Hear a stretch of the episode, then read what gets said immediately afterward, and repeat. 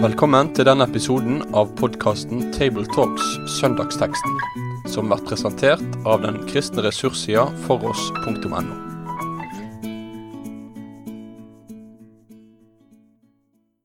Velkommen til en eh, ny episode av podkasten Tabletalks. Rundt bordet i dag sitter Jorunn Sjåstad, redaktør i Logos, bibelleserplan for voksne. Reidar Valvik, professor emeritus ved MF Vitenskapelig høgskole. og Kristoffer Hansen Ekenes, prest i Rynberget kirke Delk i Oslo. Teksten vi skal lese sammen i dag, finner vi i Markusevangeliet kapittel 10 fra vers 13, og vi leser i Jesu navn. De bar små barn til ham for at han skulle røre ved dem, men disiplene viste dem bort. Da Jesus så det, ble han sint og sa til dem, La de små barna komme til meg, og hindre dem ikke, for Guds rike tilhører slike som dem. Sannelig, jeg sier dere, den som ikke tar imot Guds rike slik som et lite barn, skal ikke komme inn i det. Og han tok dem inn til seg, la hendene på dem og velsignet dem. Ja, dette er jo kjente og for mange ganske kjære ord vi nettopp har hørt av Jesus. Eh, En eh, hyppig tekst i forbindelse med dåp, i hvert fall i norske kirker og delk, og sikkert mange andre sammenhenger. Og det er jo en, eh, en ganske sånn flott scene, hvis en ser det for seg, med Jesus som kommer til en, en landsby. Mødrene, eller hvem de nå er, kommer med- barna sine og vil at Jesus skal røre ved dem. Disiplene protesterer og vil liksom beskytte Jesus mot dette oppstyret, mens Jesus sier nei, la de komme til meg. Og så begynner han å snakke om Guds rike og barna. Guds rike, det er jo et hovedtema for Jesu forkynnelse, ikke bare i, i Markus men i alle de synoptiske evangeliene. Hva er det egentlig han eh, mener med det? Guds rike. Hva er det for en størrelse?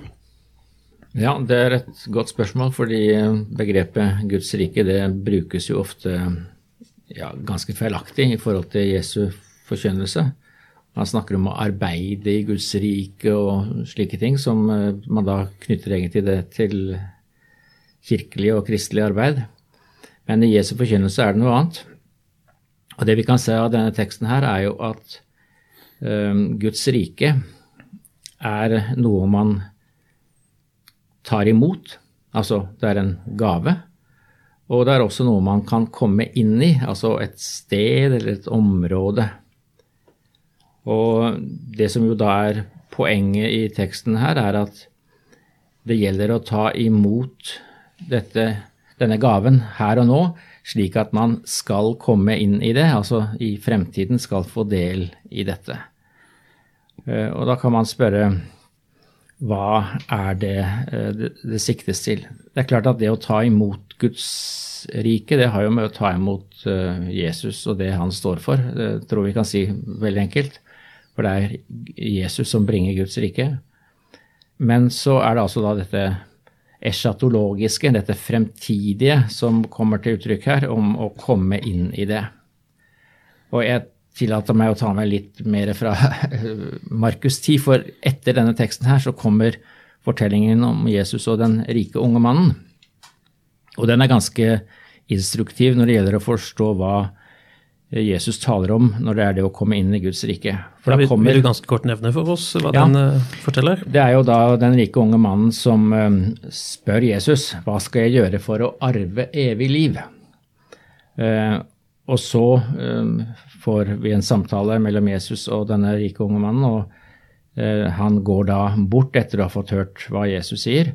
Og så kommer Jesus med følgende utsagn hvor vanskelig det blir for dem som eier mye å komme inn i Guds rike. Altså her kobles disse to tingene sammen som synonymer, å arve Guds rike, og kom, nei, å arve evig liv, og komme inn i Guds rike.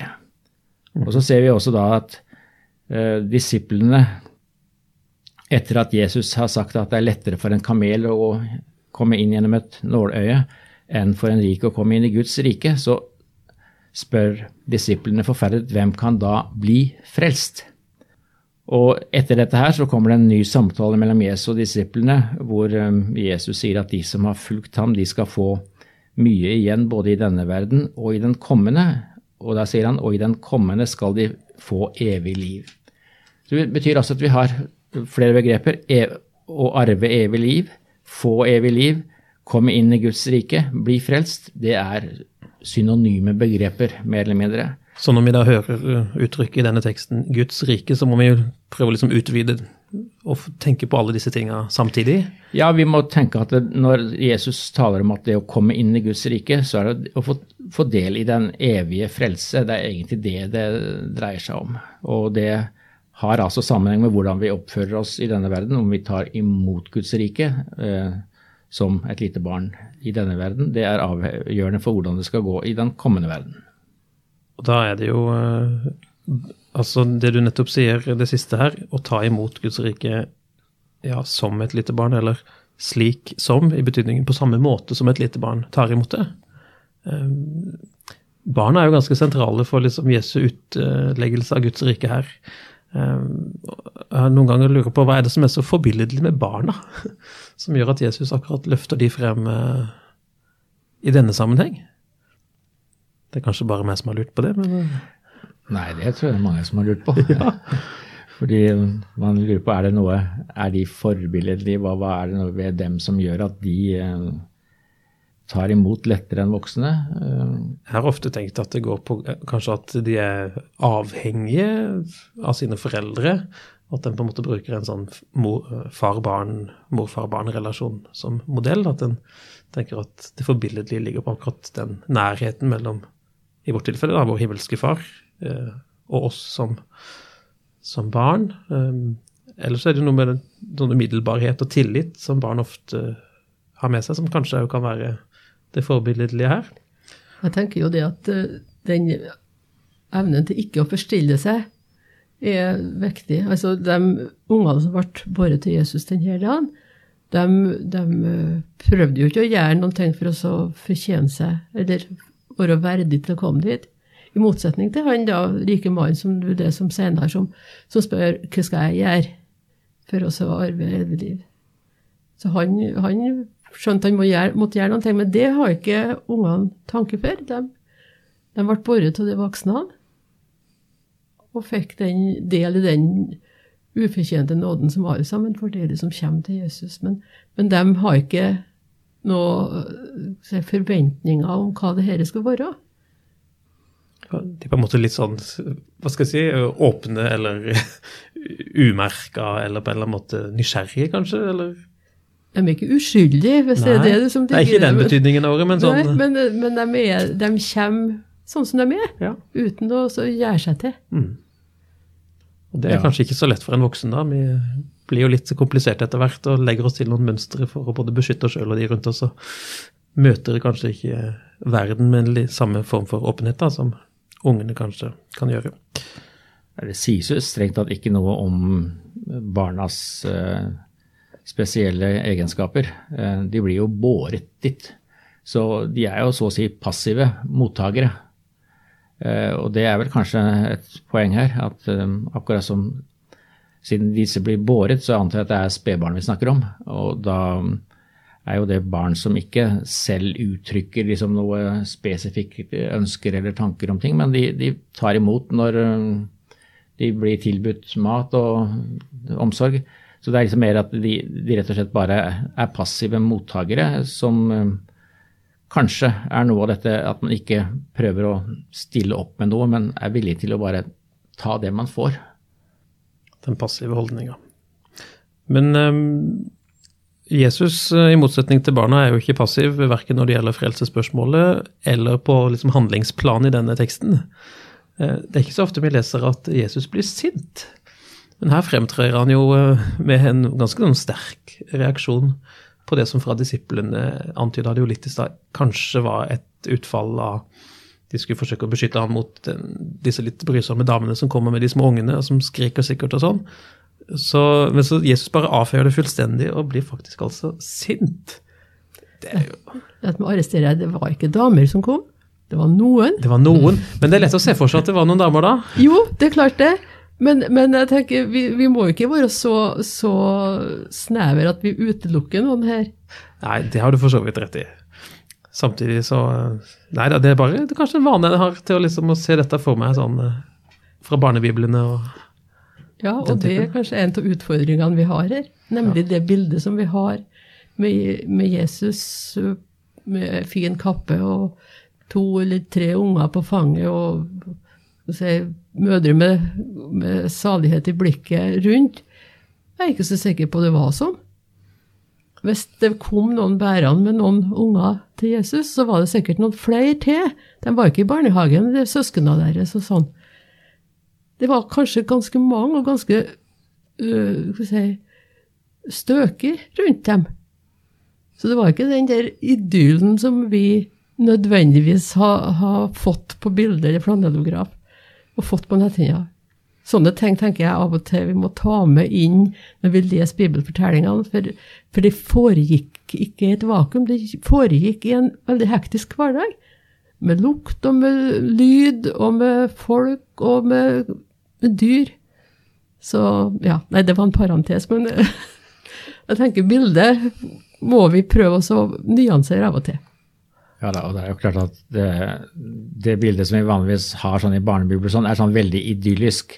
Men her er det for det første noen disipler som viser bort folk. altså Det er litt dramatikk her. Det kommer noen til Jesus, de blir vist bort. Ha dere vekk, får de høre. Og så blir Jesus sint. Så det er, er klart at det er litt mer dramatikk i den teksten enn det vi vanligvis tenker når vi leser den. Han- blir jo sint, og det var av god grunn, da, for han har jo noe veldig viktig å si om, om Guds rike, nettopp knytta til disse barna. Eh, og så har jeg lurt på litt hvorfor han poengterer at Guds rike er for slike som barna. Nå har du sagt litt om det, at de er for så vidt passive mottakere, at det er et poeng. Men eh, det er jo kanskje mulig å se en sammenheng med synet på barnet, som, kanskje, som var noe annerledes den gangen enn i vår tid, hvor eh, kvinner og barn ikke på samme måte ble regna med til eh, Hva skal jeg si det gode selskap. De var selvfølgelig en del av familien, og sånn, men i samfunnet så var det jo gutta og mannfolka som var de store eh, og de viktige. Så når Jesus da setter et barn på fanget og sier 'Guds rike er for sånne som disse', så er det jo ganske radikalt. Eh, I samtida må ha blitt oppfatta akkurat eh, på den måten. Og nettopp i det bildet er jo det med fortjeneste ganske viktig. Fordi mennene er jo de produktive som har jobber utenfor hjemmet, og som liksom driver samfunnet i en viss forstand. Eh, I hvert fall den gangen da. Og barna er på en måte den veldig rake motsetningen, der de leker rundt og kanskje er litt sånn, ja, litt brysomme, eller ikke akkurat til stor hjelp bestandig. Jeg fikk litt for meg det bildet av Jesus som tar barna på fanget, enten det kommer, kommer fra barnebibelen eller fra teksten. Og Jesus er jo ikke den eneste opp igjennom som har hatt barn på fanget, eh, og som vi har ganske klare bilder av. Eh, Mens jeg satt og forberedte meg, så tenkte jeg på flere store og litt kontroversielle politiske ledere opp igjennom, eh, som har brukt barna som en slags sånn propagandamiddel. Og så har jeg fundert på hva som er forskjellen mellom Jesus og disse andre. Jeg tenker på sånn som både Hitler og Stalin f.eks. poserte veldig gjerne med barn eh, når det skulle tas bilder. Eh, og da blir jo barna på en måte et middel eh, som disse bruker da, for å fremme sin egen agenda, og for å fremstå som myke og familiære og kjærlige. Og så er det et eller annet med Jesu møte med barna her som er så forferdelig annerledes, i positiv forstand, forferdelig. Fordi han bruker de jo ikke til noe bestemt formål. Han har noe å si om de. Eh, Og barna som sådan er viktige for han. Eh, Så når han tar de på fanget, så er det en helt annen begrunnelse for det. Det er ikke for å late som han har en kjærlighet til dem, men han har det jo. Så det er ut av kjærlighet at han faktisk gjør det. Så jeg tenker det er en sånn eh, interessant forskjell, kanskje, eller noe å merke seg når man ser barn på en måte bli brukt i ulike sammenhenger eh, en slags rekvisitt. da. Jesus har en annen måte å, nærme seg både barn og andre, andre mennesker på. Eh, Det tenker jeg jo henger litt sammen med det du snakka om Reidar først, med Guds rike. Det å jobbe i Guds rike. At det egentlig er å snu ting litt på hodet. Eh, For da blir man ikke brukt eh, Man skal ikke bli brukt i Guds rike, men man får lov til å være i Guds rike, akkurat som barna er på fanget. Ja, skal vi kommentere det Jesus sier der? La de små barn komme til meg, og hindre dem ikke. La oss eh, kommentere det. Ja, fordi det er eh, Som du sa innledningsvis, så er jo dette en tekst som blir lest i Den norske kirke i forbindelse med barnedåp. Og man kan spørre er dette en dåpstekst. Eh, nei, det er det nok ikke. Men det er heller ikke en, en tekst som liksom skal belegge at barnevelsignelse er en erstatning for dåp eller noe sånt. Nå. For sånn blir den jo ofte lest da i samfunn som ikke har barnedåp som en del av sin teologiske tenkning. Ja, men det som man kan se, det er at denne teksten ganske tidlig i kirkens historie har blitt brukt i forbindelse med diskusjon om dåp. Eh, Tertulian henviser til eh, denne teksten at Jesus sa 'la de små barn komme til meg'. Men så kommer han da med mange innvendinger mot barnedåp, for han mener at det ikke er noe bra. Eh, men han er klar over dette ordet og tenker at dette kanskje sier noe om at også barna bør komme til eh, Jesus i, i dåpen. Og det er jo flere som da har eh, påpekt det at det er, når man leste denne teksten i Oldkirken, så kan det veldig fort ha vært noen sånne undertoner av dåpsliturgi. Fordi det var ikke så uvanlig at man i forbindelse med Eh, dåp i Oldkirken liksom stiller spørsmål er det noe til hinder for at den eller den kan bli døpt. Eh, vi ser det jo faktisk i Det nye testamentet allerede, i beretningen om Philip og den etiopiske hoffmannen. Eh, når de kjører der ute i ørkenen, så kommer de til vann etter hvert, og da er det hoffmannen selv som spør, se her er vann, hva er til hinder for at jeg blir døpt? spør han. Og så har vi en annen historie, dette var fra Apostelens gjerninger 8, men i Apostelens gjerninger kapittel 10 så er det Peter som er i Kornelius' hus, og ånden faller over disse hedningene helt uforberedt eh, for, disiplene. Eh, og da spør Peter disse har nå fått Den hellige ånd slik som vi, kan noen da nekte dem vannet og hindre at de blir døpt? Altså, Spørsmål om hindringer, eh, når kommer den tematikken opp? Jo, nettopp i forbindelse med dåp. Så jeg tror det har vært ganske naturlig for folk i Oldkirken å lese dette som en, eh, et eh, ord som har relevans for dåpsspørsmålet, selv om det ikke er en dåpstekst. Og det er vel det som er konsekvensen da, som har skjedd tidligere, eller senere i kirkens historie, at man faktisk bruker den i liturgien i forbindelse med dåp og det til tross for at Jesus eh, Og det er jo det som blir liksom det retoriske poenget ofte når man bruker denne som polemikk mot barnedåpspraksis. Så sier en ja, men Jesus døper jo ikke barna, han velsigner de jo. Så tar, tenker en at da er man jo veldig nær Jesu egen praksis. Eh, men det er jo som vanlig litt mer å si enn bare det man kan se på dette ene stedet. Ellers er det jo en liten detalj kanskje i det språklige her på norsk, eh, og for så vidt også på gresk. Det står ikke at Guds rike tilhører dem, barna, i betydningen de er allerede inne i det. Eh, men Guds rike tilhører slike som dem. Og det er jo en liten, men ganske viktig, viktig forskjell, da, tenker jeg. For da snakker en vel òg om de voksne som sto der, og som i, i hjertet har blitt som ungene, og, og tatt imot det som Jesus snakka om. Ja, og hvis ikke, hvis ikke, han hadde sagt det, så kunne det jo høres ut som han da i neste vers sier at den som ikke tar imot Guds rike som et lite barn, altså som når han er et lite barn, kan ikke komme inn i det, og da er det liksom for seint. Men han sier jo ikke det. Han sier den som ikke tar imot Guds rike slik som, altså på samme måte som. Så jeg tror du har helt rett i det, og det er et viktig poeng her. Og når jeg spinner litt videre på det, så tenker jeg jo det at uh, å ta imot Guds rike som et lite barn, det kan jo gå på fysisk alder, men det kan jo gå på mental alder, tenker jeg. Sånn at ikke vi stenger ute dem som ikke har de kognitive evnene som vi tenker folk skal ha når de er voksen. For det er ikke alle som har fått like mye det vi i gammel tid kalte vett. Det er jo ikke det det er, men det er ikke alle som er like gamle når det gjelder det mentale, og Guds rike er over dem. Det tror jeg er litt viktig å huske på. At ikke vi gjør trua til noen ting som er en teoretisk prestasjon, men at det er et annet forhold til Jesus. Ja, det syns jeg er et viktig, viktig, poeng, fordi det er jo helt tydelig at her er det disse små som selv ikke er i stand til å bidra med verken det ene eller det andre, de, de, blir båret til Jesus. Og Vi har jo en annen historie også om en som blir båret til Jesus. Denne lamme mannen som blir båret av uh, noen av sine venner til Jesus. Og da står det jo sånn merkelig i teksten at da Jesus så deres tro, sa han til den lamme. Så det var ikke denne lamme, eller eventuelt da en som hadde hadde begrensninger på andre måter. Det var ikke den personen det kom an på, men det var faktisk at man blir båret og brakt til Jesus og får i den velsignelse som han kan gi. Ja, Sagt på en annen måte så er ikke disse tingene altså til hinder.